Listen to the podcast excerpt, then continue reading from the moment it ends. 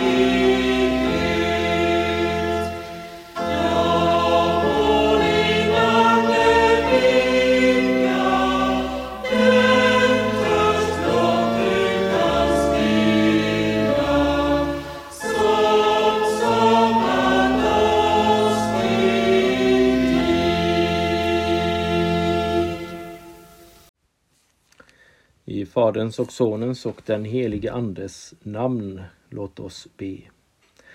Herre vår Gud, himmelske Fader, du som har gett oss din son till frälsare, för att han skulle vara ett ljus för hedningarna och ge ditt folk Israel härlighet. Vi ber dig, låt ditt ljus lysa i denna mörka värld. Ge våra skumma ögon syn, så att vi i denne din son ser din nåd uppenbarad och hos honom finner hjälp mot fördärvets makter och vi så till sist, frälsta från allt ont, får gå hem i frid, så som du har lovat i ditt ord. Genom din son Jesus Kristus, vår frälsare. Amen. På söndag är det kyndelsmässodagen och evangeliet är hämtat ifrån, ifrån Lukas andra kapitel. Vi läser Jesu namn.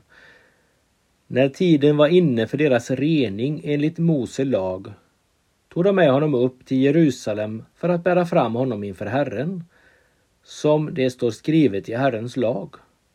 Varje förstfödd son som öppnar moderlivet ska räknas som helgar åt Herren. De skulle också ge det ett offer som är bestämt i Herrens lag, ett par turturduvor eller två unga duvor. I Jerusalem fanns en man som hette Simeon. Han var rättfärdig och gudfruktig och väntade på Israels tröst. Och den helige ande var över honom. Av den helige ande hade han fått en uppenbarelse att han inte skulle se döden förrän han hade sett Herrens mode. Ledd av anden kom han till templet och när föräldrarna bar in barnet Jesus för att göra med honom som han brukade enligt lagen tog han honom i sina armar och prisade Gud och sa Herre, nu låter du din tjänare gå hem i frid, så som du har lovat. För mina ögon har sett din frälsning, som du har berett inför alla folk. Ett ljus med uppenbarelse för hedningarna och härlighet för ditt folk Israel. Hans far och mor förundrades över det som sades om honom. Och Simeon välsignade dem och sa till hans mor Maria. Se, han är satt i fall och upprättelse för många i Israel och till att vara ett tecken som väcker motstånd. Också genom din själ ska det gå ett svärd.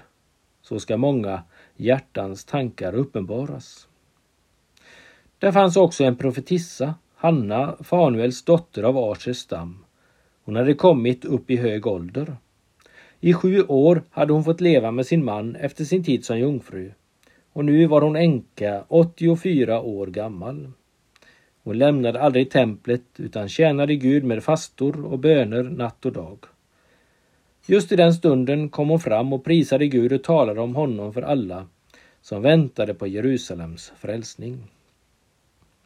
När de hade fullgjort allt som var bestämt i Herrens lag återvände de till Galileen och sin hemstad Nasaret. Och pojken växte och blev starkare och fylldes av vishet och Guds välbehag vilade över honom. Amen.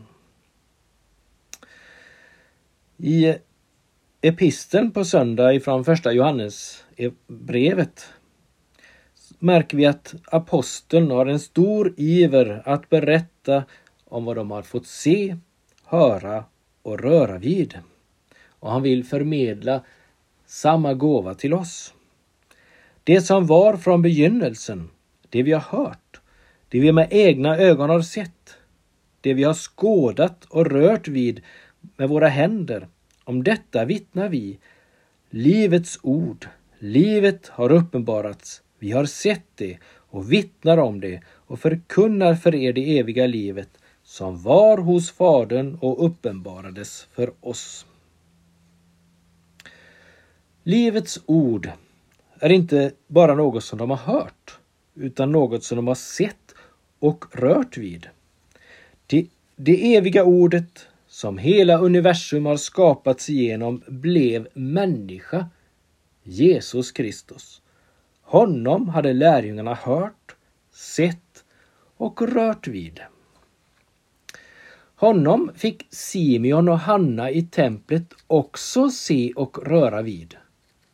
Därför bryter Simeon ut i lovsång och tackar Gud. Den helige Ande hade uppenbarat för honom vem detta barn var och han hade fått löfte om att se honom, Herrens mode, Messias, innan han dog. Så säger han, Herre, nu låter du din tjänare gå hem i frid, så som du har lovat. För mina ögon har sett din frälsning som du har berett inför alla folk, ett ljus med uppenbarelse för hedningarna och härlighet för ditt folk Israel. Tänk, detta barn i Simeons armar var alltså inget mindre än räddningen, frälsningen för alla folk, för både judar och hedningar. Vi vet inte hur många som uppmärksammade att Jesus blev buren till templet denna dag. Men Simeon och Hanna fanns där. De tillhörde de stilla i landet som väntade på Israels tröst. Och Simeon blev ledd av anden att gå till templet. Och där fick han se och röra vid livets ord. Du och jag som lever idag har inte sämre förutsättningar att möta Jesus. Den helige Ande har samma önskan idag. Han vill leda oss till templet så att vi får möta Jesus. Så att vi får höra honom genom bibelordet och predikan. Så att vi får se honom i ordet och på nattvardsbordet och konkret röra vid och bli berörda av honom i nattvardens bröd och vin. Och när den helige Ande visar dig Jesus får du se honom som är satt till fall och upprättelse för många. Den som får sina ögon öppnade för rikedomen i Jesus Kristus får glädje och frid. Men många då och även nu tar anstöt av honom. Att Jesus föddes i fattigdom var för många en stötesten. Men det pekar också på att hans liv och tjänst skulle bli en stötesten. Den sten som byggnadsarbetarna kastade bort har blivit en hörnsten. Psaltaren 118. Och även för hans familj och lärjungar blev hans tjänst och hans rike en stötesten till en början. Allt var annorlunda än man tänkt sig. Hans tjänst kulminerade ju i att han dog på ett kors som en förbrytare. Och just budskapet om korset har fortsatt att vara en stötesten samtidigt som det är till upprättelse, frid och glädje för alla som får sina ögon öppnade för vad det betyder. Simeon säger att även genom Marias hjärta skulle det gå ett svärd, särskilt på olika sätt. Hon skulle också få känna smärtan av Jesu undervisning. Vid ett tillfälle avvisade han henne och bröderna när de sökte honom och sa att det är de som gör min himmelske faders vilja, alltså tror på honom, som är hans bror, syster och mor. Och här visar Jesus oss en avgörande sak. Att det är endast genom trons gemenskap med Jesus som vi tillhör hans familj. Annars står vi utanför Guds rike. Så fick förstås Maria känna en oerhörd smärta när hennes son led och dog den föraktades död på ett kors. Jesu ord går än idag som ett svärd genom våra hjärtan. Och han vill att det ska ske så att han får avslöja våra tankar som ju ofta är otrons tankar som vill leda oss på vår egen väg som vill kompromissa med synden och försvara det som är fel. Där vill Guds ande låta Guds ords svärd gå igenom och avslöja, föra fram det i dagen, i ljuset, så att det står klart för oss att vi inte kan vandra i gemenskap med Gud, som är ljuset, om vi samtidigt vill leva kvar i mörkret. Samtidigt visar oss Guds ord till Jesus och till det renande blodet och Guds ande vill gång på gång påminna oss om att vill vi leva i ljuset, även om vi märker att vi faller, så får vi äga full förlåtelse och frälsning genom Jesus. När den helige Ande visade Jesus så får du också se att hela Guds lag, hela Guds uppenbarade vilja är fullbordad av honom. Inte mindre än fem gånger poängteras det i evangeliet att det som skedde var i enlighet med Mose lag, Herrens lag eller lagen. Här ligger alltså något viktigt som Lukas vill få fram, något som vi kan finna tröst i. Lagen är fullbordad. Jesus kom inte för att upphäva lagen utan för att fullborda den. Redan på åttonde dagen hade Jesus i enlighet med lagen blivit omskuren. Nu bärs han fram inför Herren i samband med att Maria skulle offra för sin renhet. allt förstfött skulle helgas åt Herren. Förstfödda djur offrades medan förstfödda söner skulle lösas. På alla sätt gick Jesus in under lagen redan som barn för att friköpa dem som stod under lagen och ge oss söners rätt. Galaterbrevet 4. Vi har så lätt för att tänka så här. Om jag bara skärper till mig, om jag bara blir lite bättre på att följa Guds bud, så ska Gud ta emot mig och vara god mot mig.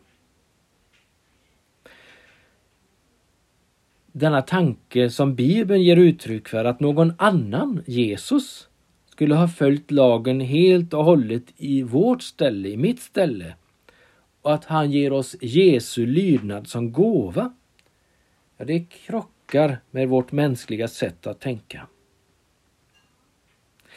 Det är helt rätt tänkt att Gud bara kan ta in oss i sitt rike om våra liv har uppfyllt lagen. Om lagen inte kan finna några fel hos oss. För det är bara de fullkomliga, felfria som passar för Guds rike. Men samtidigt, om du och jag skulle sträva hela livet för att nå dit skulle det aldrig gå eftersom vi är födda som syndare utanför Guds rike. Men nu säger det underbara evangeliet till oss både att vi får och har fått våra synder förlåtna och Jesu lydnad som gåva redan i dopet. Det är en verklighet du får lov att leva i. Jesus kom för att friköpa dig som stod under lagen för att ge dig söners rätt. Så att du, du som vill ha Jesus som frälsare, du får leva inne i den verkligheten att du är Guds fria barn. Att du under varje ögonblick lever under Guds välbehag.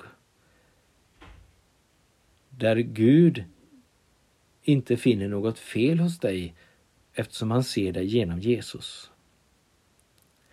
Så aldrig ett ögonblick behöver du tänka att du måste göra det eller det för att Gud ska ta emot dig. Du får helt enkelt lita på att Gud är nöjd med det Jesus har gjort i ditt ställe. Om du stannar i den heliga Andes verkstad, fortsätter att lyssna till Guds ord, då kommer du bli avslöjad och påmind om det i ditt liv som inte stämmer med lagen. Och då förstår du att du behöver hålla dig hos Jesus och leva i hans nåd. Men du som lever ärligt inför Herrens ansikte kan samtidigt fröjda dig och jubla. Jubla över Guds vilja, över Guds lag och tänka på hur god den är och att den inte dömer dig eftersom du lever innesluten i Jesus, i hans uppfyllelse. Du är fri. Och så får du samtidigt sträcka dig efter Guds bud och be Herren om att de mer och mer ska gå i uppfyllelse i ditt liv. Inte för ett ögonblick för att du ska förtjäna platsen hos Gud, utan i glädje över att du får vara Guds barn av nåd. Och att du kunde få vara till välsignelse för dig, dina medmänniskor. Därför när du ser på Jesus ser du honom som har uppfyllt varje punkt av Guds heliga lag i ditt ställe. När du själv speglar dig i lagen ser du alla de krav som riktas emot dig, allt som du inte kunde uppfylla. Men om du fäster blicken på Jesus ser du att de redan är uppfyllda och att du är iklädd honom. Slutligen när den helige Ande visar dig Jesus så kan du sluta dina dagar i frid. Vi vet inte hur gammal Simeon var eller hur länge han levde efter denna händelse. Men man har ofta föreställt sig honom som en gammal man. Och så är det så för oss att ingen av oss vet hur långt liv vi får. Det är inte ovanligt att fullt friska människor dör före sjuka eller att unga dör före äldre. Därför är det så viktigt att vara beredd att leva i ett uppriktigt förhållande till Gud, att leva av Guds ord, av evangeliet om Jesus. När han får lov att vara din frälsare så kommer han också att vara med dig i döden och bära dig genom den in i livet. När den, än, när den än möter dig. Du får tänka på att du redan har dött och uppstått med Jesus i dopet. Sorg och smärta kommer alltid vara knutet till döden under detta livet. Men när vi är tillsammans med Jesus behöver vi inte vara rädda. Då är vi tillsammans med honom som har besegrat döden och vunnit det eviga livet åt oss. Amen. Låt oss be. Herre, vi tackar och prisar dig för att ditt ljus kommit in i vår värld och besegrat mörkret. Och vi ber dig, Herre, du gode helige Ande, att du fäster våra ögon på Jesus, så att vi var och en lever i hans nåd. Och vi ber att det glada budskapet om Jesus får ha framgång i vår mörka värld med dess krig och lidande. Ja, Herre, förbarma dig över oss alla och led oss till din eviga glädje. Amen. Så ber vi som Herren själv har lärt oss. Fader vår som är i himmelen. Helgat var det ditt namn. Tillkommer ditt rike. Ske din vilja så som i himmelen så och på jorden. Vårt dagliga bröd giv oss idag och förlåt oss våra skulder så som och vi förlåta dem oss skyldiga äro. Och inled oss icke i frestelse, utan fräls oss ifrån ondo. Ty riket är ditt och makten och härligheten i evighet. Amen. Ta emot Herrens välsignelse. Herren välsigne dig och bevara dig. Herren låt sitt ansikte lysa över dig och vara dig nådig. Herren vände sitt ansikte till dig och give dig frid. I Faderns och Sonens och den helige Andes namn. Amen. Vi från Kyrkliga Förbundets närradio säger nu tack till Gunnar Andersson som är ordförande i Kyrkliga Förbundet Riks, som då har lett vår andakt denna gång. Och vi ska nu få fortsätta med en psalm här i vårt program. Ja, vi har ju fått höra en betraktelse inför kyndelsmässodagen, och en av de psalmer som behandlar detta tema är psalmen 478. Och de första fyra verserna på denna psalm, Du morgonstjärna, mild och ren, sjunger nu kören Logos för oss. Mm.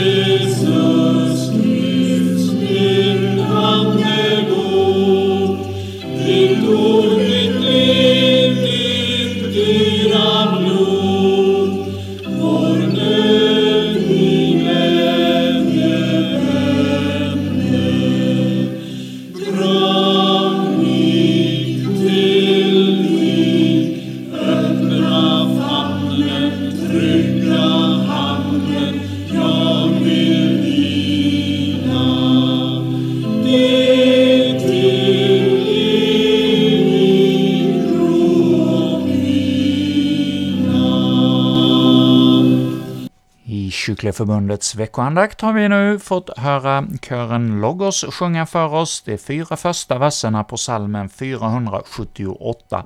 Du morgonstjärna mild och ren, du Davids son av Jes Jakobs släkt. Ja, denna psalm som passar alldeles utmärkt i den eh, del av kyrkoåret vi nu befinner oss vid. Vi kommer ju att få fira kyndelsmässodagen på söndag, och vi har nu då ikväll fått lyssna till en betraktelse av Gunnar Andersson, som har talat till oss inför just denna söndag.